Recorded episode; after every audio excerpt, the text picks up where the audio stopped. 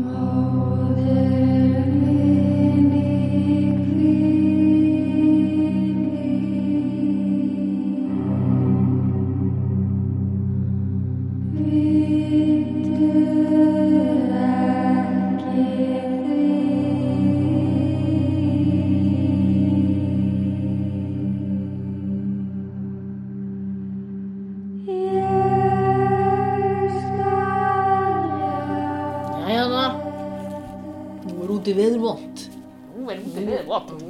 er og á að Nú er vera. úti við hálf leðilegt, sko. En það er svoleiðið sem maður á að gera svona þátt. Ó. Eins og virka í Ísland. Ertu búin að vefja þig inn í ullarteppið? Já, ég er búin að, þú ert að hekla teppi, ég er bara inn í teppi. Já, ég hekla bara alltaf teppi fyrir mig til ekki undir, sko. Meðan ég er að hekla. Það er enda góð hugmynd. Uh, við erum reyndar, sko það hefði verið góð dagur til að gera draugasögu í dag, en það er ekki draugasögur í dag. Ó, Já, já, það eru galdramál ok. sem að, sko, er svo flókin að þetta eru tveir þættir. Ok. það er eitt og tvö. Manni hlýna nú samt í hjartanum við smá eld. Já, já, rétt, rétt. Þetta, það verður var, varðaldastemmingir. Já. Eh, ég, hérna, ég ætla svona, það er smá fyrirvari á þessu að þetta, þetta er rosalega flókin mál og það er alveg til svolítið mikið skrifað um þetta, hún Ólína Þorvaradóttir hefur mest skrifað um þetta og best myndi ég að segja, það er bara nýjustu, hún gerði doktorsauðgerðina sína held ég, heitir Brennuöldin. Og það er svona mikið af þessum upplýsingu koma þaðan en svo annars líka víðar. En ég hérna ég reyndi mjög mikið að koma þessu nokkur neginn svona skýrt frá mér og í einföldu máli.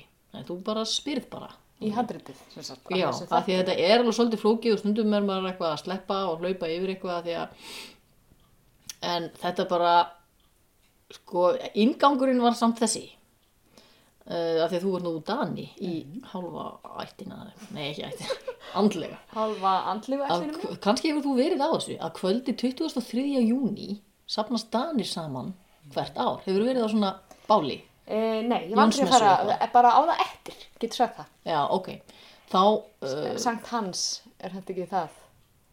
ha Já, ég, ég mann eftir þessu. Jú, já það heitir það held ég, Já. já. Ég veit ekki hver þessi Hans er, samt Hans, að það er Hann var einhver heilagur. Hans. Já, hann er sennilega komið, jú, byrju, þetta gefur Þetta það. er Hans Klaufi. Hansi Andersen, kannski. Hans Kristján Andersen, það getur verið hann. Hann. Hans. Hann Hans. Uh, þeir eru sem sagt, hérna, þetta er brenna til að fagna lengsta sólargangi ásins. Þetta er náttúrulega bara Jónsmessu brenna. Það eru uppálega heiðin aðtöfn, sem sagt mjög gömul, en hefur bætt á sig hefðum á mörgum öldum og á 17. öld voru hátíðahöldin til heiðus dýrlingum Sankti Hans. Aha, Ég, það er ekkert nánar sagt hvað, hvað gerði hennar dýrlingi. nei.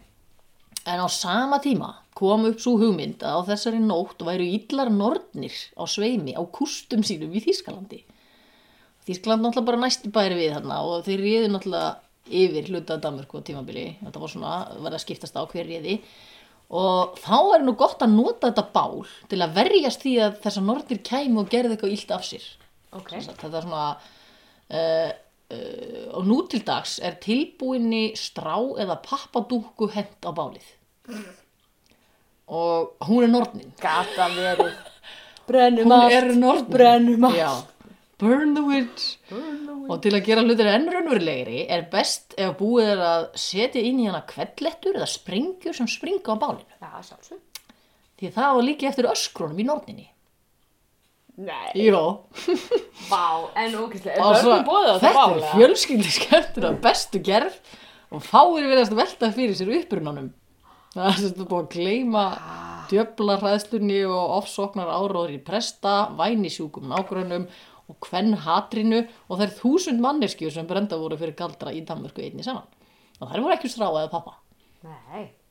Þeir voru veist svolítið kræfir í, í Danmörku. Já, þetta. í En galdra brennunum. Já, sko, það er alltaf að reykja alltaf svona tölu samt, þú veist, þetta var náttúrulega ekki beint skrásett Nei, systematist neitt. nei. Uh, frá upphafi mannkins hafi verið sagðar sögur af fólki sem kunni að fara með yfirnáttúrulegt afl. Það getur hafi verið lækningar, vekja upp hína dauðu, veist hvað er Jésu að gera? Um mitt. Uh, auka auðæfi sín var líka vinsælt og verja sig gegn illu, spá fyrir framtíðina eða valda öðrum skada. Og í gegnum tíðina, og svona. já, hafa þetta verið meir þetta verið konur. Það var svona, uh, einhver svona slagsíða á því. Þær hafa bara ógnað. Já, held ég, held að Með hafi verið bara, svona þær hafa verið bara klárar. Hún kann eitthvað þessi, það er eitthvað búið við hana. hún er ofklár. Já, Þetta er bara, já. Já, strax sko í gamla testamentinu er fara að tala um þessu hugtaki nornir og það er mikil ábyrð þeirra sem að krótuðu þessa biblíu sem skrifuðu í svona stóru klókubók að galdra fólki skildi ekki gefið líf það er, sagt, það er einhver setning sem að var rosalega Ha? vitnað í já. þetta er svona alltaf svona ein og ein svona óheppileg setning sem er dregin fram í dagsljósi þegar að henda Þegar hendar. Gótt að nota þetta núna. Já, uh, það var ekki talað um að brenna heldur voru grítingar nefndar sem aftöku aðferð og brennar, brennur voru kannski frekar fyrir trúvillinga þá og það er eiginlega svolítið dramatískara og ógeðsleira að, að brenna fólk heldur en að hengja það til dæmis eða hálsökva, er það ekki? Jú. Það er svona, þetta er meiri píning uh, og það er svona Og að vera svona stíkt visuált fordæmi. dramatískara líka. Já. Eh, Í íslenskum annálum segir, sérst annálur er svona þretta tímarit gamla daga, segir að svo snemma sem árið 1343 hafi nunna að nafni Kristín verið brend fyrir galdra í kirkjubæðaklustri. Og það voru kirkju yfirvöld, það var sérst ekki veraldlega yfirvöld, heldur kirkjan sérst ákvað að hún hefði gert eitthvað af sér og hún hafði sérst móðgað páfan og gert samning við djöfulinn Ok. og það virðist samt vera að lauslæti nunnunar hafi mestu ráðið um það var eitthvað að að gruna um að hafa ekki staðið við heitin sín og, Móðga páa. já, það var mikilvægt og þú veist, hún hefur kannski bara verið staðin að því að einhvers staðar á baku við hús að vera að blóta páan Já, þú meina. ég veit ekki en hérna, hefur ekki heyrt þess að þjóðsögu um systra stapa fyrir ofan kirkjubæðaklaustur Nei. Þetta er sennilega rótina þeirri þjóðsuga. Þá er sérst búið að fjölga hérna, þessum nunnum í tvær sem voru brendar, önnur fyrir lauslæti og samning við djöfulinn en hín fyrir að tala óguðlega um páfan og þar hafi verið brendar hérna upp á og, og hérna uh, já, teknara lífi af kirkjun í raunni. Þannig að þetta er alveg, þetta er bara á sturlungaöld sko, 1300 eitthvað. Fólk sem var grunað um galdra eða yfirnáttúrulega hæfileika í Evrópu var alltaf í lífsætu. En þannig að þetta er ekkit eitthvað nýtt þarna á galdraöldinni þarna.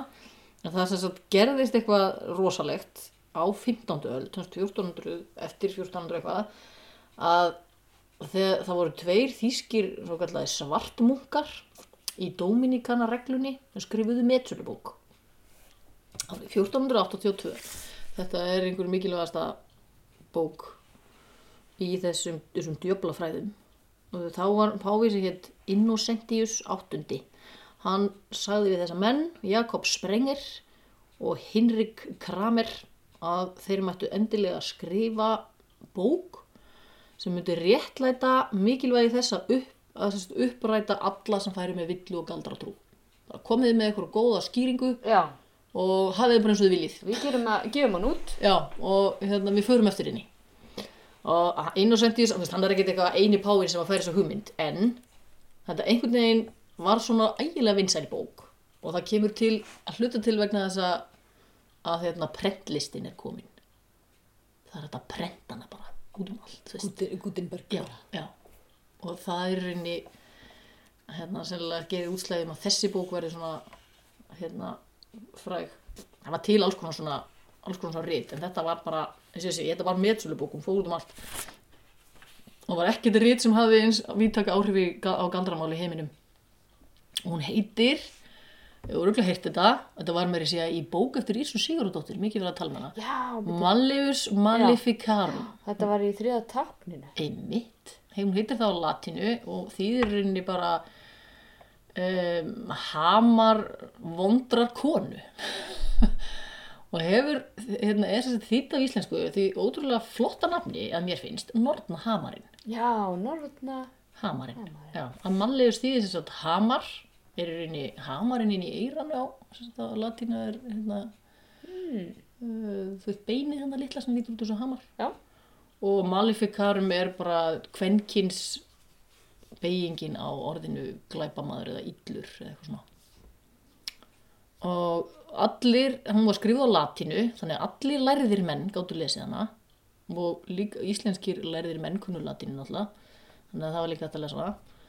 Og þess, þá komu þess skoðanir sem höfðu verið kannski bara bundnar við miða-Evrópu, þú veist, og í Þýskalandi breyttust sem sagt hratt út Ah. hún var bæði þýtt og svo gáttu allir lesið þessar latínu, allir svona betri betri borgarar og aðgengi almennings var sem sagt góður að þessu Nornahamarinn, hann leggur áherslu á því heiminu séu tvö kerfi, annað guðskerfi og hitt djöfulsins. Það er bara hvitt og svart. Og því sam, samfélaginu sé til fólk sem hafi gert samning við djöfulinn til að vinna gegn guðsríki og valda eðileggingu. Og í verkinu kemur fram gríðalegt hatur í garð kvenna og hversu varhugaverð kvennskepnan er. Einmitt. Þú Og veist, klár. Hún, já, hún er bara, uh, hún, það svona, hún er talin verið miklu líklegri til að fremja glæpi. Hven, kvennskepnan. Ef við, þú veist, hafa þér skoðað tölfræði hérna glæpa? Kannski bara ekki búin að ná.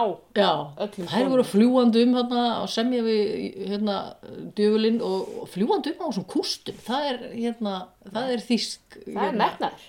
Það er metnaður, það kemur hérna hexiðandi triks og, og það sá brandari með hérna, fljúa á kústum. Hexiðandi triks, það hljóma svolítið eins og hún sé Hún er eitthvað. Já, svoleiðis, Já, já, og Harry Potter, hann flýgur náttúrulega um á, á kústum líka.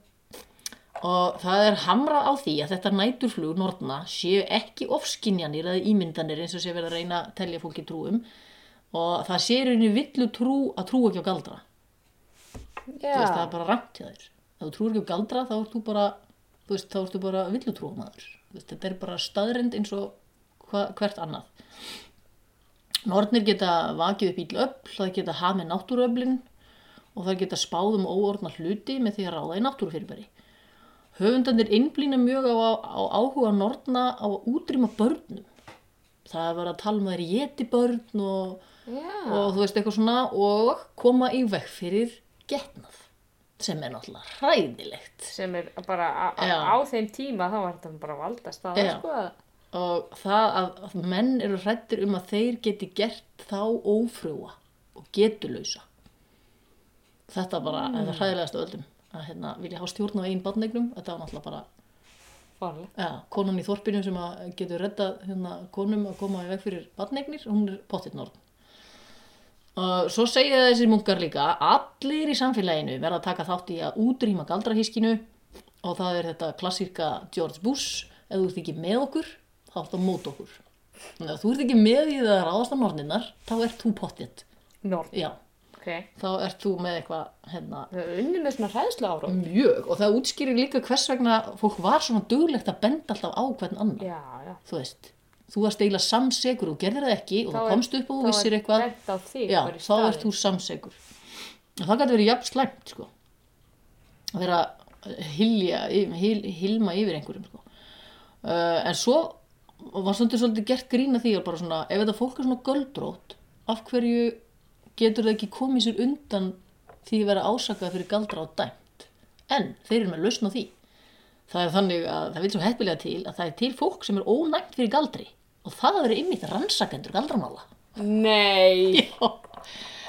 og dómarar og kirkjunar þjónar og þeir sem njóta verndar heilara engla þannig að það eru sumi sem að bara galdurinn virkar ekki á Heppilega. Vá. Já. Þetta er smáaletrið. Já.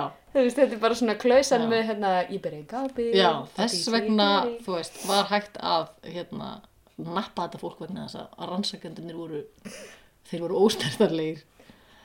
Og rannsakendur, þú veist, þeir fengu ítalega leiðbynningar hvernig, hvernig þetta gera og hvernig þetta leggja fram sönnunagögn og, og alls konar eitthvað svona ákerði aftur og hættu að vera, þá sem að benti á einhvern, hann gætt líka verið í hættu, sko. Þú Um að vera já, já, að vera sakaður um eitthvað líka bara akkur veist þú, veist, þetta var Já. alveg margslungi sko. en oft dugði bara ill ummæli og sögusagnir og ró til að koma fólki á bálið var ekkert endilega betra að vera með rögst þetta ákeru Hugsaðu þér hvað það hefur verið nóg til af því. já, og bara dómskerfi sem að gleipir við þessu bara eða Hvaða dómskerfi, dómskerfi? já, Já, einmitt, innan nákvæmlega. geðsalapa Ef að kirkjan getur verið að dæma.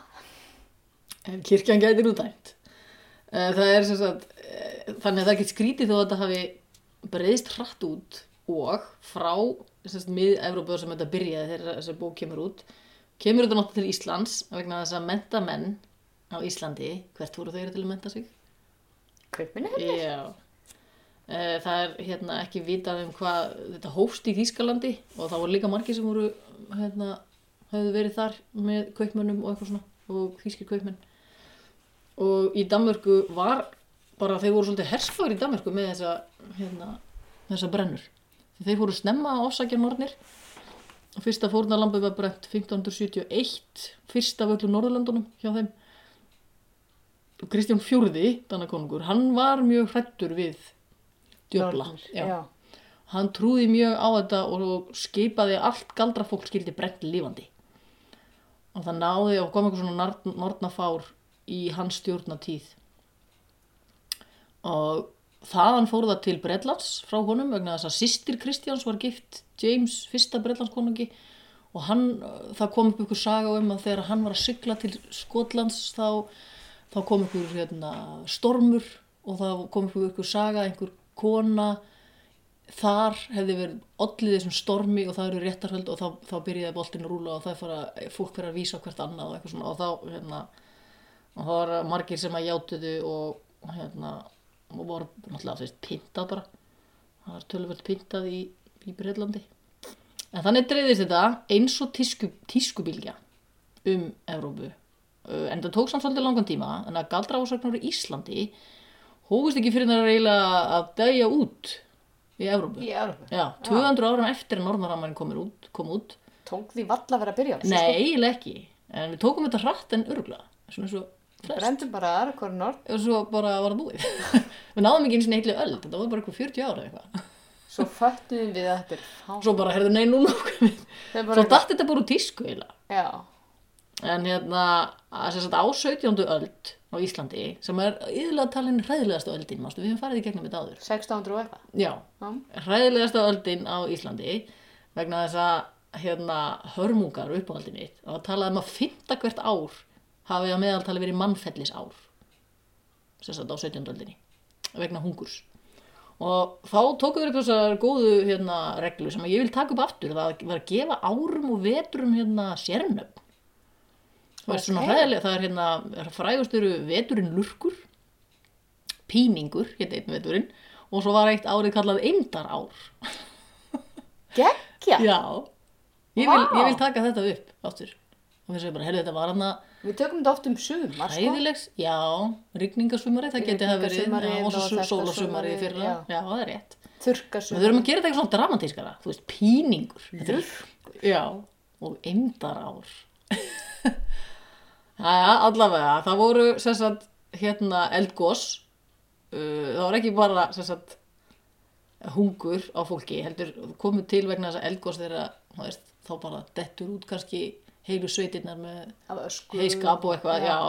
og svo var sjórán, Tyrkja voru viðverandi, það það voru alltaf að koma sjóræningjar, Já. fólk var bara virkilega rætt við það En þú Það hefði hvað náttúrulega tók gerst. 250 manns í já, Vestmannum. já og þeir komu við á nokkrum öðrum stöðum þannig að það voru farið að fylgjast með svona varturnar og eitthvað svona að vara við sko hvort það verið sjóræningjar að koma já, þetta er flugmaður Algjörlega alveg út í kúl já, Já. út kúl Út kúl. Og svo setniluta aldarinnar það gengur nær samféllt yfir sjúkdómsfaraldrar á sama tíma og þess að var verið að brenna fólk. Það var bóla, holdsveiki, kvefpestir, lúnabólga, flensa, kíhósti klassískur barnaveiki, taugaveiki, mislingar og bara ég veit ekki það að flesti sjúkdómar þú veist en það er oft misvísandi sjúkdómslýsingar það veit ekki alveg þú veist fólk deyr úr kvefi eða eitthvað og það getur verið, þetta eru bara einhverju flensur. influensur Já. Og var náttúrulega verst í hérna, í Sollinum á Suðunisum og Snæfellsnesi þar sem var þéttbílast Já, og bæði þéttbílast og, og samt svolítið kall. já og svona húsakynning Napurt. kannski ekkert spes já. Já. Þannig að þegar að illa áraði og bústofn fjall þá náttúrulega voru hörgúlusjúkdómar svo kallar svona hérna, næringaskortur og einhæf fæða og fl flökkufólk var orðið hérna og fátaklinga var orðið stór hópur sko. Þetta var góðu tímar og ímyndaðu þér sagt, í þessum aðstæðum hafur ekki trúa á tilviljanir. Já, ok. Mér fannst þetta eiginlega besta lýsingin á, ég las þetta stöðar, á sagt hræðslu við galdra, bara ímyndaðir, taktu trúna á tilviljanir í burtu og ímyndaðir að allt sem gerist er laun, guðs eða refsing. Eða illur vilji nágrannaðina. Þú veist, bara af hverju er ég lasin? Þú veist, Þú veist, gott karma hvað, skilur já, nei, það, Það er bara þetta er ástæða fyrir öllu, Já. þú veist, kúin mín mjölkar ekki vegna þess að nágrannin mín hata mig. Ég ætla að segja ykkur það. Þetta er svakaleg. Já, þannig að hérna, þú veist, síðaskiptin verða þess að á þessum tíma. Þú veist hvað síðaskiptin eru 1550, Já. þá hættum við að vera kathólsk, færum okkur yfir að vera mótmælinda trúar. Já. Og það er bara fyrir eitthvað hratt, tekið fyrir bara út með all, öll klustrin og pávinn er gladaður og alla dýrlinga, allt þetta burt með þetta. Nú trúum við bara, tölum við bara beint við Guð og við lesum hérna biblíuna á móðumálun okkar og prestarnir geta bara að tala beint við fólkið og, og það er tekið út þetta dýrlingakerfi Já. sem er svona mm, já, er svo, svolítið mikið svona katholst, þú, þú ert svona já, það kem betur að því setna það var allavega, það hefur stundu verið kallað lærdómsöld það sem Já. að kemur eftir þetta, en það er eiginlega samt ekki alveg rétt vegna þess að eh, sko prestar voru þeim var illa við sko áhuga almennings á svona fornum rítum vegna þess að forn rít gáttu verið rúna galdrar, já þannig að betri menn sem sagt fínni borgarar, þeir máttu alveg grúska í lærðum rítum og einhverju svona lesa ímislegt sem að var kannski en, en ef þú fannst þetta hjá einhverjum ótýndum bónda þá geti þetta hafa verið hættulegt sko. Af því að hann myndi nú kannski hann, já, hann vita hvað hann ætti að gera við þetta. já, hann myndi vilja eitthvað illt með þessu sko. uh, og þannig að núna var bara sko, kathólsk rit og heiðin rit og galdur er bara allt það sama þetta er allt villutrú þetta er Já, allt, ok, katholsku rítin duttu unnundir já, bara rúnir og... já bara ef þú ert hérna, haldaði við ykkur á kathólku þetta var bara þetta var að gera allt svona með trompi ekkert eitthvað svona aðlöguna tíma bara burt með þetta. Þannig að þeir hérna sveitaprestar voru oft mjög þröngsýnir og sagt, börðust gegn fróðlegsfísn og, og bókmenta áhuga svona almennings. Hugsaður hvernig það hefur verið að vera til dæmis ungt fólk, bara ung kona eða ungu maður sem eru mynd kannski fróðleikshús eða langar til einhvers eða ekki búið að berja úr þeim alveg alveg. skrifa upp einhver handrita því að það langar að eiga eitthvað sem að einhver annar á eða eitthvað. Ekki en bæk, nei, bækur og handrit voru oftar en ekki lögð á jöfnu við galdur. Þannig að þeir sem voru hærra settir gáttu stundum óhrættir grúskaði bókum en það myndi, ef það fyndist hjá einhverjum sem var lægra settur þá væri það galdraskræða. Já, það er ekki sama hver er. En sko það að fremja galdur er ekki bara eitthvað svona að gera skrifa eitthvað, heldur þú verður að hafa eitthvað hæfileika uh, til að magna upp galdurinn og beinunum á eitthvað sérstætt ok. það, það dugar ekki bara að skrifa neð, veist, þetta var svo trú einhvern veginn. Þannig að sá sem kunni ekki neitt, hann gæti ekki galdra neitt. Nei. en oft var þetta sett saman við sko uh, skáld, það voru kölluð svona fólk hefði skáldagáfu og gæti svona var svona mælst og svona. Það var stundum blandað sama við þetta af því það þótti verið svona svipaðir eiginleikar Varstu þá næstu í göldróttulega? já að geta Fín lína þar á mitt. já það var hérna Það það var galdra. já, já, já, ok. að geta svona romsað upp úr sér einhverju eða gert eitthvað svona dramatíst úr, úr einhverju, það gat verið sko galdra kukku líka Leiklistar áhugi, ekki sniðugur, ekki, nei, spinna bara ekki áhugi á sko. neinu Nei, ok. Hann er bara að mjólka kúna þína og hérna fara svo að lesa Ekki biblíuna segja hvað þér finnst. nei, uh, það var rosa mikið skrifað um í svona annálum þarna, það var svona hjátrú og það voru heimsendaspár og talað um svona eitthvað undarlega stjörnur sáust á himni skrimsli ám sáust og vansköpu börn og skeppnur og draugar, þú veist það var alls konar svona sögur á kreiki um alls konar svona þú veist, þetta var alltaf bara þú veist, Guður og ónað með okkur Já. við erum ekki að standa okkur, Já. hann er að senda okkur einhverja varnaðamerki og eitthvað svona Hvernig fór þá til dæmis bara alveg sólmyrkvi og tunglmyrkvi? já, þetta er ímyndaðir Sko. Guð, nei, nei, bara guð. en þetta var bara hluti af raunveruleika almennings, ég meina, galdur bara staðreind eins og eitthvað sem okkur finnst staðreind í dag bara loftslagsáhrif eða eitthvað Já, bara, yfirvofandi. bara, já, yfirvofandi, hérna, reyði guðs Mm. Þannig að galdur var samt stund notaður til að verjast draugum og til að varnar sjúkdómum og þá var þetta kallaður hvítigaldur. Eða hann var notaður til góðs. Já, Við erum nefnilega með tattoo sem Já. er sko. er það hvítigaldur? Það er til að vernda mig. Það er til að vernda mig gegn sko, einmitt. Já, ekki er í já. og ekki dreipa minni maður elli sko. Já, en svo var sko galdur sem var notað til að valda öðrum skada, það er svartigaldur. Já, ég kann það ekki. Nei, þú kannt það ekki, nei. Ég er ekki þannig típa. En kaþólska kirkjan sem sagt hafði aldrei amast við þessum hvítagaldri, sakljósagaldrinu. En núna var bara... Já, nú Já, nú er bara sko. Það allt, er bara. Og það var sem sagt áður fyrir notað hérna, þessi dýrlingar og Marja May, þau voru alltaf leita til þeirra til að nota svona, leysa svo smávæli vandamál. Þú veist, aflabrestur, draugur, það er eitthvað svona leiðindi. Ég fer til Marju og, og spyr hana að einhverju svona, en uh, þetta var ekki hægt. Þetta var svona eins og útibú af Guði. já. Þessi- ég ætla ekki að tröfla. Guð Já. með þetta, ég ætla að fara með þetta til útibúsins. Mhm. En þetta var sem sagt tekið fyrir, þessi afgreðsla útibúana var tekið fyrir með, með því að breyta. Og þá var talað um, eða svona kenningar um að þá hefði fólk jafnvel aftur farið að snúa sér að þessum hvítagaldri til að að retta sér sjálft, sko. Já, já. Og ég hérna retta bara sem aflabresti Það hefur ekki góðan aðgang að guði. Sko. Nei, útibúakerfið er ekki við líði. Þjónustu fulltróðnir, það er búið að leggja allar niður og þú er búið að sjá þetta sjálfur í heimabankanum. símverinu uh, þannig að það var stundum bara leitaður líka til einhver sem var góður í sveitinni þessi er rosa góður í að kveða niður drauga Gilningsríku líka, Já. mæl, þú veist. en svo fáum við bref frá Danakonungi og sem að segir að það eigi að brenna alla sem að beita svartakandri og hann sendir þetta bref 1617 og þegar það sendir svona bref þá dyrir þetta hérna í gildi laga þegar það er lesið upp á alþingi. Já. en ef það er ekki lesið upp þá er það ekki komið í gang. Þá veit enginn að því. Nei. þannig að það var ekki lesið upp fyrir um 13 árum setna og það var greinlega ekki droslega spenningu fyrir þessum galdramálum þá. Og þú veist þetta gerðist oft. Að það kom einhver lög og svo bara glemtist að Já, láta vita já. því.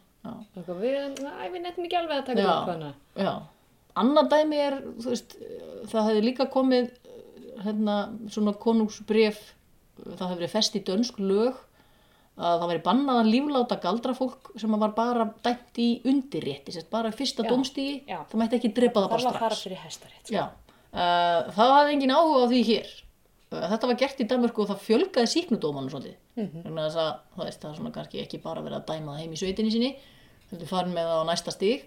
En þetta var ekki notað á Íslandi vegna þess að það var bara meira hundrað ár sem liðið frá því að það var gefið Já. út á hvernig við lesið þig. En það voru sagt, fjögur dómstig á Íslandi. Það var sagt, í sveit, því hérastómur, það sem voru síslumenn og svo lögmannsdómur á alþingi og svo er yfirréttur í höndum alþingis og svo er bara konungurinn síðastur. Þú Veist, hann gæti rettað þér ef að þú veist, þú þyktir einhvern sem hann geti komið þér í. En er lög, nei, sem sagt, síslumenn eru samt sko bæði lögreglan og dómarinn. Þeir handtaka og þeir dæma í. Ó, skemmtilegt. Já, og þeir líka Rannsaka líka. geta tekið hérna uh, peninga eða sem sagt eignir af fólki. Getur tekið við se sektum að það er svona hefði geta ítt undir það að þeir vera að taka kannski eitthvað fólk sem ætti eignir en það var ekkit alveg mikið í því en svo var kannski annað sem var til þess að þeir flýttu meðferð óþarlega mikið var að síslimenni þurfti að sjá um uppihald á fanganum. Ah, þannig að þeir þurfti að geima hann í fangavistinni og gefa hann að borða.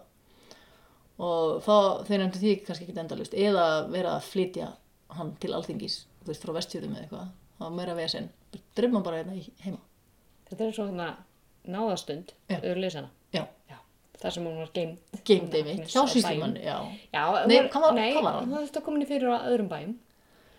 Já, var, af hverju var það sem að þessi bær var fyrir valinu það var var- eitthvað Þetta var var því. konar yfirmaður. Já, Hann var var einhver yfirmaður, embættismaður. hreppstjórin eða eitthvað. Hreppstjóri. Gæti verið, já.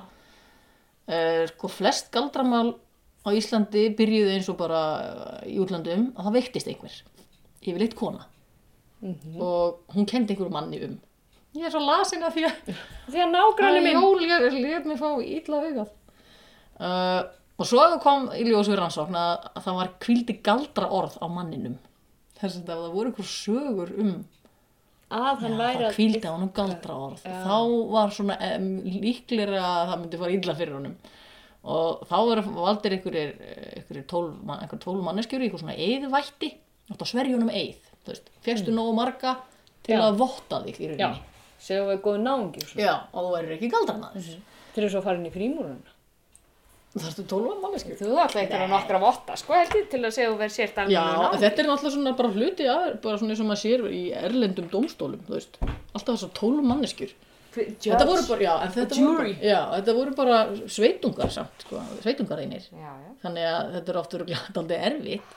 En það þurfti svolítið að passa að þetta væri ekki, þetta aðstæð, sko. nei, að þetta væri ekki sko fjölskyldumeðlimir, það máttu ekki vera tengtir fjölskylduböndum. Sko, þú voru ekki vest fyrir þetta, er allt skilt maður. Þetta gerist allt á nefnilega. Hæ? Nei. býta að kemur í ljós þannig að hérna er, fóru þeir hérna um, um sveitir Átni Magnússon og Pall Vítalín skrifuðu þarna skýslu einhvern tíman og þeir sögðu bara að síslumennir hefði ekki alveg skilið rétt lögin sem þeir voru að einu svona dæma eftir sko. þeir voru, bara af alls konar sögðahúsi þetta voru ekkert, Já, þetta voru bara gáttu líka verið drikkjumenn og já og líka bara já, já, alls konar ástæður alls konar. En oft var það bara orðspor sagbornings var eiginlega mikilvægast. Sem var til þess að þeir sem að meira máttu sín, sem maður segir, þeir, þeir, það var ekki eins mikið að sagvellingum á svoleiðis fólki. Það er þetta yfirleitt eitthvað Nei, skonar þetta- utagarsfólk sem er óvinsælt, eitthvað skrítið, Já. eitthvað svona. Held ég að hafa verið með Tourette eða eitthvað svona. Já. Alltaf að segja eitthvað ein- eða eitthvað svona. einhverfur og ómannblendin, þú veist, og, og eða bara eitthvað, bara einmitt, með hérna, aðra handlega sjúkdóma, sko. já, Ræðilegt. já, það, það, það hjálpaði þér allavega ekki. Nei, Uh, það var ekki að vinna þær í hæginn. Nei, þetta er sem sagt eh, dómskerfið á þessu. Svo stundum var bara fólk hérna, tekið að lífi strax eftir að það verið dæmt þarna heima. Stundum, og þá var það bara svona áfríða til alþingis veist, næsta sumar. Það bara, herri, við tókum hérna mann af lífi, var það ekki lægi?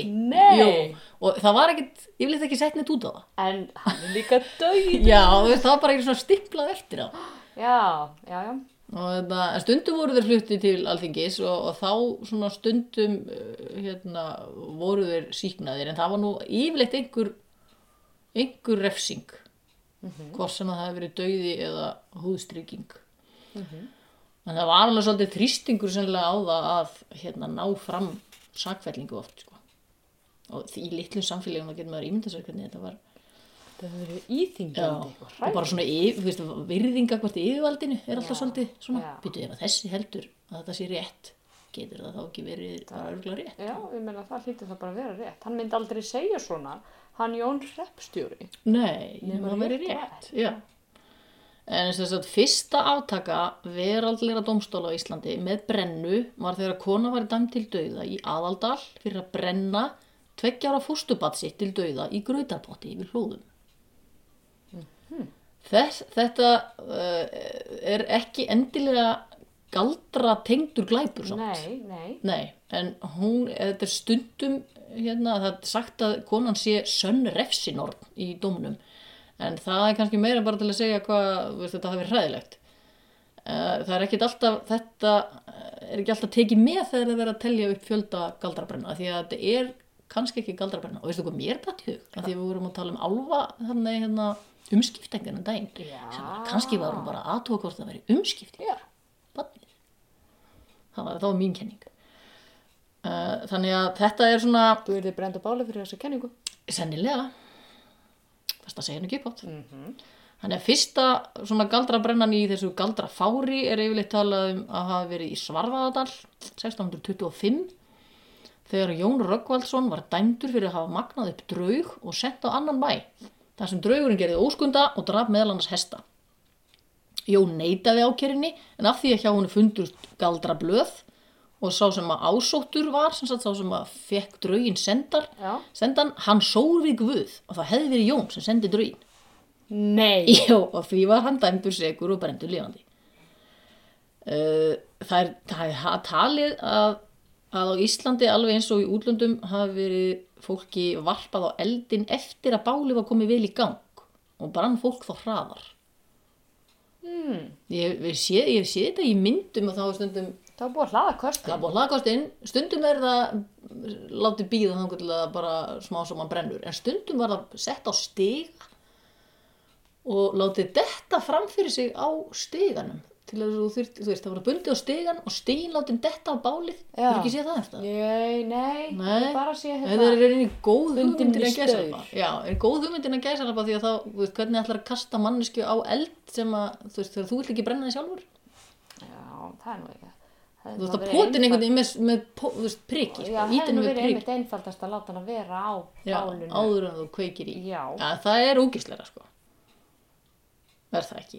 Nema þú myndir bara kapna Já, sjálfsög, það, það er það sem gerist fyrst, held ég. já, ætti að líða yfir því fyrst sko. Já, ég, það er óþægilegt þegar maður fer að pæla í svona skrýtnu hlutum já, ég er alveg, þetta er svona. já það talaði um að eftir, svona, eftir þetta eftir þessi uh, hérna konungsbrífið var lóksins lesið upp hana um að það ætti að dre- drepa alla sem stundu svartagaldur þá fóru prestar og, og einstaka biskupar að eiginlega tala meira um djöfulinn í messum heldur en um Guð. Já, ok. manstu eftir uh, Messunum hjá sér er bara í njóli.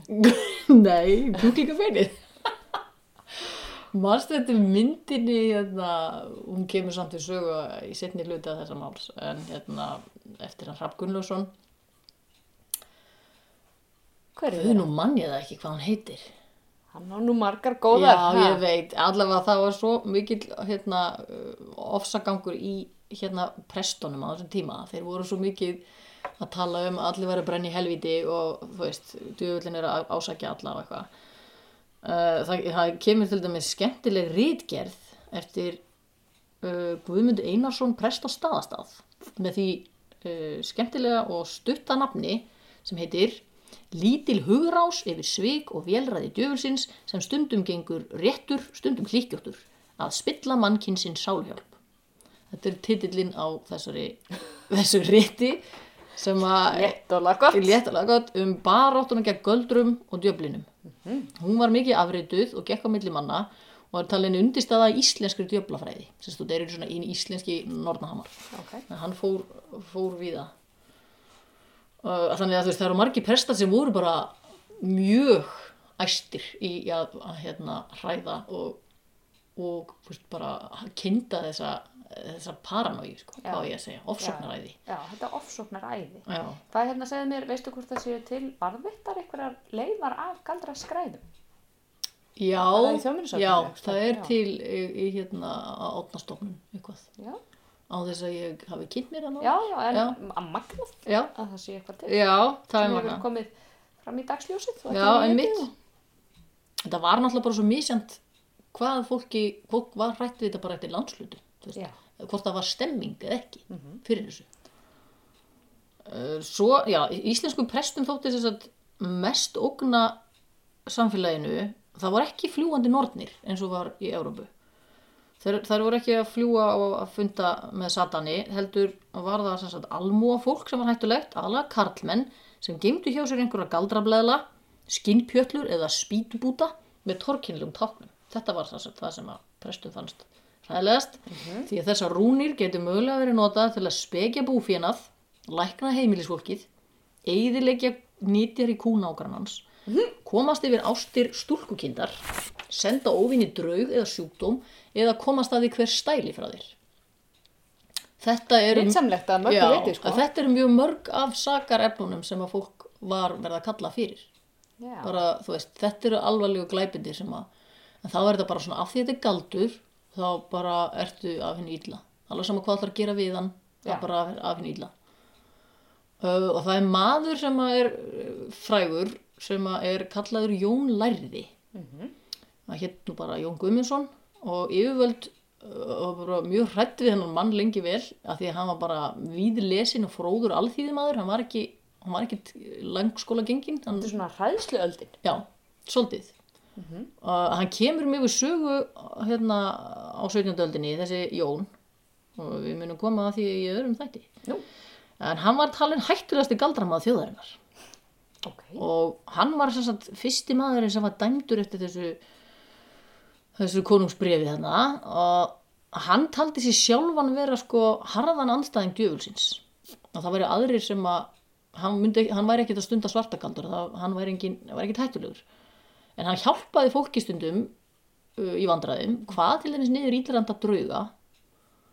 Og það var uh, svona saga um að hann held út í galdraskóla. Já, á Rifi og Snæfellsnesi um tíma. Hann var svona svolítið að þurfti oft að flytja, veist, flýja í rauninni. já, svæðin. Já, af því að mm, það var ekki alltaf stemming fyrir honum. Og, hann uh, var dæmdur í 20 ára, hérna, nei, hann var dæmdur í útlegð fyrir að nota hvítagaldur en hann fór huldu höfði eftir það sagt, í 20 ár, þannig til hann dó. Þannig að það var alltaf einhver sem var til í að að hérna, að skjóti yfir hann skjólshúsi en hann er bara svona fullkomið dæmi um að það sem var einu sinni í lægi í tíð katholika þú veist, hjálpa til við eitthvað hveða njötur eitthvað svona hvítagaldustótt það var allt í einu orðið bara veist, það var jafn hættulegt að vera læknir og að vera djöfladýrkandi. Sæll. já, þú veist, það er bara það er bara sett undir sama hatt því allur galdur er komin frá hinn illa. Og oft er það bara þannig að fólk sko meðan að fólk var ánægt með störf galdramannsins þá var þetta í lægi Um leiðan klúðraði. klúðraði ykkur það bara, heyrðu, hérna, ég veit svolítið. Þannig að þetta var það var svolítið kaltæðinslegt eða ef að þú hel, helst að þessi galdramaður væri einhvern veginn að snúast gegn þér og hefði gert þér eitthvað. Þá bara segir til hans. Já. En svo gerist ekki fyrir enn 1654 þá fara galdramál á fullum krafti í gang og það er talað um einhvers konar móðursíkisfaraldur svo kvöldur sefasíki á íslensku uh, sem er eins og hvað heitir þetta á útlensku? Sefasíki heitir Ég veit ekki. svona mm, fjölda ótti einhver kom upp á Árnes í Árnes sókn á Ströndum Mm, hófst 1652 og það er sagt í annál það kom óróleiki og pláa af vondum anda eða draugi í Trekillisvík. Oft á dag, aðalegi í kirkjunni þegar predika var, vissum en ekki betur en illur andi hlipi ofan í kverkar á fólki. Svo það fekk mik mikla rópa og síðan ofur fylli. Ég, ég get ekki séð þetta fyrir mér. Þeir hafa verið í brugginu. og það hefur verið svo eitrað að það er bara ofskinjunar það eitthvað. fengið sér fyrir messuna. Æ, æ, En helst voru það samt ungar konur sem lendi í þessum áhlaupum sem hljóðuðu, fengu uppköst og fróðufeldu svo varla var messu fært. Þurfti að bera fjölda þeirra alltaf tól manneskjur út úr kirkjunni þegar messa var og allir þetta mikli skelvingu sveitunga í Tryggindisvík. Þetta var sem sagt gerast bara alveg í tvö ár, öðru kóru. Ekki skemmtilegt. Þetta er eitthvað svona, komið hana, þetta er, þetta er einangrað frekar. einangraða staðir uh, en nú verðum við að gera hlýja í sögunni vegna þess að hér verðum við að kynna til sögunar Þorleif Kortsson. Hefur heyrt talað um hann? Nei. hann er aðalmaðurinn einn helsta galdra ofstækismanns landsins. Án hans er ekki hægt að fjalla um galdramál á Íslandi til fullnustu hann var síslumaður í hálfri Ísafjörðasíslu og norður strandasíslu norður strandasísla er þarna. Er þarna. Já, þar sem að Trekillisvík er.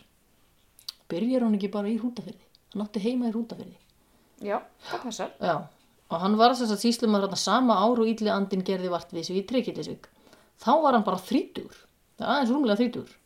Og tíu árum setna var hann lögmaður sem var aðsta embætti sem Íslendingu gætt búist við að fá á þessum tíma. Og lögmenn voru aðsti dómara landsins og dæmdu bæði í lögréttu og alþingi og í þeim málum sem síslumenn sagt, komu með þess og síslumæður er í vandræðum sem bara, heyrðu, viltu hjálpa mér með þetta mál hérna, með vantar smá aðstof þá eru þeir inni yfirmenn sagt hærra settir heldur en síslimeðinir og það sem er merkilegt er að Þorleifur var ekki löglærður eða yfirleitt langskóla gengin því að hann, hann var að vísu í skóla Erlendis en hann er lærður klæðskeri. Nei, eins og ég. já, ég myndi ekki stæra mig að því. Ha, ég myndi ekki stæra mig mikið að því að vera sama, hérna, Ó. sömu lærdóm og hann. ok. Uh, hann var þýskur, hann hafði lært í Hamburg því hann var þýskur í aðra ættina. Þessi kort pappan sem hann hefði verið.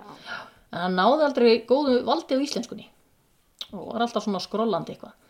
Uh, í samtíma heimildum er hann, er hann lífst eh, með eftirfærandi orðum. Hann var lítill, hann var eineigður hann var fámáll óhöfðinglegur velgefin, ljúfur sem er vist svolítið merkilegt fjegjarn og fjesæll hann var svona sagt peningamaður. Hann giftist inn í valdamest og ætt á vestfjörðum Svalbards ætt uh, og svo fjölskylda tengdist beint sumum galdramálum sem hjör, Hjörleifur Róleifur, Hjörleifur Þorleifur hafði til umsagnar og flestir aðri embættismenn á svæðinu voru líka úr þessari sömu ætt og munu koma við sögu. Hann bjó lengst af í hrútafyrði já og fyrst var fólk var ánægt með hvað hann var röggsamur í galdramálum þessi Þorleifur. Og hann var alltala hvað hann væri nú svona snöggur að afgreða málin. Og hann hafði ekki sjálfu frumkvæði að neinum ásökunum en það kom mikið að málum til hans vegna þess að það var álitið að hann myndi já, afgreðaður hrætt og öruglega og alls er talið að 19 manneskjur hafi verið brendar fyrir galdra í embættistíð hans Á því svæði engum. já, þetta er eiginlega bara allir sem voru brendir Já, ok. En Þorleifur náði betri árangu, árangri við að ná fram játningum en aðrir. Það er ekki alveg vitað hv- hvernig, en það er nema getgátur, ég veit ekki, það er engar heimildur um neina pyntingar, en, en það er svo sem kannski fólki dettur það alltaf í hug. Það eru líkindi en hann sjálfur trúði mjög mikið á djöfla og drauga og hann held, hann fannst hann vera að gera fólkinu greiða. Þú veist, með því að fá það til að játa vegna Já. þess að þá myndi það, því það frelsa líðast betur já, þessu, og svo já. brenna. Það er mjög mikilvægt að brenna þú veist, til þess að frelsa sálina einhvern veginn frá, frá djöflinum. Ok. Og til að byrja með, já, fólk var að hrifið af þessu. Eftir að hann dó þá bara datti deila upp fyrir. Og bara, kom bara einn líflátsdómur dómur í hans umdæmi eftir að hann dó. Já, heppilegt. Já, að svona, e, já Þorleifur Kortsson hefur verið svona, svona samnefnari yfir galdra ásóknir á Íslandi og sagan hefur dæmt hann harðlega fyrir vikið og kallað hann brennuvarg 17. aldarinnar sem er, er alveg nokkuð til í því en það má samt kannski ekki gleyma því að hann er ekki eiland, hann var settur í þetta embætti og fólk hrúaðist með mál til hans Já, já, hugsaður ef hann hefði ekki tekið við málunum eða eitthvað svona, hefði hann ekki verið bara sagaður um að vera? Já, það er spurning. Já, já, það var allavega einhver stemming hann í kringum hann á ákveðnu tíma. Og fólk vildi að hann væri harður í þessu. Þannig að þegar Þorleifur er búin að vera á Íslandi í fimm ár, eftir að vera búin að vera meira en hálfa æfina í Þýskalandi, þar sem að galdar ásóknir höfðu verið miklar síðast áratugi, þá fer hann að rannsaka þetta mál í Trekillisvík, þar sem að allir voru að hreinja niður í fróðufellingum hann og hann tók allt sumarið eða svona, hann var hann í marga vikur og orðarómurinn sem sagt byrjaði þannig að stúlka hafi verið fóstri hjá manni að nafni Þórður Guðbrandsson sem bjó í muniðanesi þegar stúlkan fór frá bænum viktist hún en batnaði leið og hún kom í muniðanes aftur. Það sama gerist í annað sinn þegar reynd var að fara með hann af heimilinu rétt eins og hún gæti ekki verið annar staðar en í muniðanesi meira þurfti ekki til að koma ást á orðarómi um að Þórður hefði valdið veikindum hennar með galdri. Af því hún verður veik þegar hún fer að Einmitt, tvísvar sem sagt. Ok, Það er, þetta eru óyggjandi sannanir uh, og fjórir menn ákerði Þórð sem játaði glæpi sína skyndilega var, nei sérstaklega var tekið fram í annálum að hann hefði verið óneittur til sagt, að játa án allra þrenginga ok. hann sagði bara já, Ekki mikið pyntaður. Nei, hann sagði bara, nei, ég, þetta, ég gerði þetta. Hann sagðist hafa verið djöf, hafa séð djöfulinn í tóulíki og sært hann til treykillisvíkur, væntanlega til að láta hann að gera það einhvern óskunda. Fyrir þetta var Þórður dæmdur til döða og daginn eftir að hann var dæmdur uh, var dómþing sett aftur nú gegn öðrum manni, Agli Bjarnasinni. Hann játaði líka á sér svartakaldur því hann viðurkendi að hafa drepið sauð með fjölkingi, gert samband við djöfulinn með ristingum, naglaskurði og blóðuvökvum. Uh, raunar sagði Egil að hann gæti látið djöfulinn gera fyrir sig hvað sem hann vildi. Egil var einnig dæmdur til döða. Og hann og Þórður þessi voru brendir saman á báli þann 20. september. Uh, við yfirheyslur á mönnunum tveimur höfðu þeir bent á nafn þriðjamannsins, Grímur Jónsson, sem Þórður sagði að veri mesti galdramaður þeirra allra. Grímur var því tekinn til yfirheyslu og viti menn, hann jándaði líka á sér svartakall. hann sagðist að hafa drefið kind með göldrum, manað upp djöfulinn til íllra verka, haft galdravers og særingar um hönd og sagðist hafa hrakið ábúandan frá reykjarfyrði með skadalegu rúnaspjaldi. Og í kaupæti viðkendi hann líka framhjáhald með þremur vinnukonum. Nei!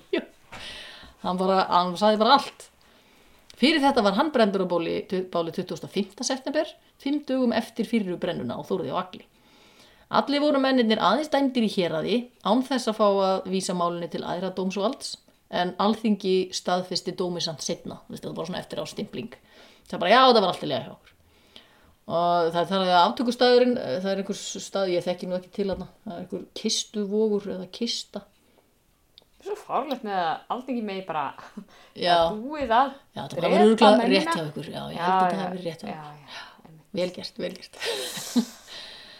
Uh, Lífið í Trekillisvík róaðist aðeins eftir að menninni þrý voru brendir um haustið, en, Vinnukonur og óhuldar. já, en svo hófst þetta bara aftur. Ókyrðin í kirkjunni stóð með hlifum áratugum saman. Það var, það, það bara einhver, ég veit ekki hvað, það verið einhver mikla eins og húsið eitthvað. Nú hlaut það að vera Margrét Þórðardóttir, dóttir Þórðar, sem var brendu fyrstur. Ha, hún stæði að bak við órólegan. Hlaut það að vera. Já, það var bara, herðu, hvern getum við núna fundið? Það var líst eftir hérna á alþingi þarna eh, tveimur árum setna en var hún horfin. Það var ekki fyrir en sex árum setna að hún náði að hreinsa sig af þessum galdra ábyrði á alþingi að því að hún átti greinlega bara einhverja vini, aðalega prestin Tómas Þórðarsson á stað á Snæfjallaströnd sem hún giftist svo setna Klíka. hún sennilega var þar allan tíman í útleðinni en það voru alltaf að koma upp hérna, þessi mál þessi óróleiki í kirkjunni. Já, og þeir hérna uh, það voru tveiri menni viðbót sem að var bent á en þeir játuð ekki og þá fengdust engar sannanir þannig að þeir voru ekki dæmtið til dauða en þeir voru húðstryktir sem næst gekk lífi svona til öryggis. En þeir lifðu nú ég. Eh, þessi óró er nefndur alltaf öðru, öðru kvoru en eftir þetta mál þess að þetta brennumál þessum þrýr eru brendir haustið 1654 þá er talað um að eiginleg galdraöld eða brennuöld hefjist á Íslandi og stóð í 40 ár þess vegna er ekki hægt að kalla þetta galdraöld og þess vegna hún. Nei, Ólína hefur um mitt vilja kalla þetta brennuöld frekar, veist, heldur en að því að galdrar voru heldur ekki nýtt hugtak, það var bara Nei. farið að brenna fyrir þá. Já, nákvæmlega. Þeir eru við refsiverðir allt í henni. Og þetta er eftir síðaskiptin, þá það er alls konar Já. sem haldist ekki til galdra við. og Nei, það var allt, það var bara búið að breyta reglun Já. sem eru svo ósangjant í samfélagi sem er búið að venja sig á eitthvað. Já, og er ekki bara, opnara samfélagi Já. en þetta, sko. Og þú myndir segja bara að núna væri sko, félagslega ósamþygt hjá okkur að leiða börnin sín eða eitthvað Hmm. og allt í einu væri það bara orðið, þú veist, hræðilegt að þú getur ekki bara sett svona reglur á allt í einu. Þú mátt ekki gera þetta. Nei. En það er svo sem ekki allir sammála um hvort það hafi verið galdrafár á Íslandi. Þú veist, það er það náttúrulega ekki miða við hérna víða í Evrópu. En ef þú tekur vest fyrir það út fyrir sviga, þá er hægt að færa rauk fyrir því að það hafi verið einhvers konar svona mú-æsing sem að hafi komið til, veist, út af bara mjög áhugasumum embættismönnum sem voru mjög spenntir fyrir þessu. Sem voru ekki endilega til staðar annar staðar. Nei, Þú þarft þess að hafa nokkra hluti, þú þarft að hafa, þú veist, hérna embættismann sem að hafa áhuga á því og svo samfélag sem að hefur, veist, er hrætt og, og er til í að, hérna, benda hvert á annað og, og trúa þessu og, og æsast svona upp. Eh, Það áttu sem sagt eftir uh, svona rúmlega 20 manns, þetta er ekki alltaf sama talana því að það er ekki alltaf, það er ekki alltaf hérna, ta- talið eins í rauninni hvað telst sem beinir galdradómar og hvað ekki. Það sem mér fannst merkilegt, er fólk á Íslandi, það sem er erfitt sko að skrapa saman eldi við í varðeld, að leggja þetta á sig, að, að vera að brenna svona mikið af fólki. Já. Á vestfjörðum, hvað? Það er reka viður. það er rosa erfitt að brenna reka við samt er það ekki, er hann ekki fullur af salti og ég held að það sé ekki sérlega gott það er ekki eldfipt, það er kannski lifir lengi í því getur verið, það getur verið að brenna marga þegar eldurinn er komin Með hrís, eða skilur við með, já, eitthvað svo leiðis, en er það ekki verðmætt samt til að nota í svona, svona kjarr eitthvað dót? já, Já, svona kallað hrís sem mitt. Uh, nú er ég búinn með fyrir hluta þessa máls. Og næstu í klukkutíma. ég held að við þurfum að gera Já. pásu og Við þurfum að gera pásu og heyrast aftur í næsta þetta. já, það koma fleiri mál, fleiri móðsíkis faraldrar. Ég er að reyna að muna þetta orð, ég mun mér að við erum komið með þetta næst, Hystería. sefasíkin, hystería, nákvæmlega. Það er það sem ég kallaði hýjasinduna á jólunum. hysteríuna þú veist að hystería er leg hyster er, er komið af leg Já. já, hysterectomy Já. er legnám þetta, þetta er tengt sko konum að konur verða hysterískar að sjálfsögðu Móðurlífið. Mó, já, móður síki Móður síkin. Det er alt sånn. Å, så margt rart. Å, så. Ja. Takk, takk.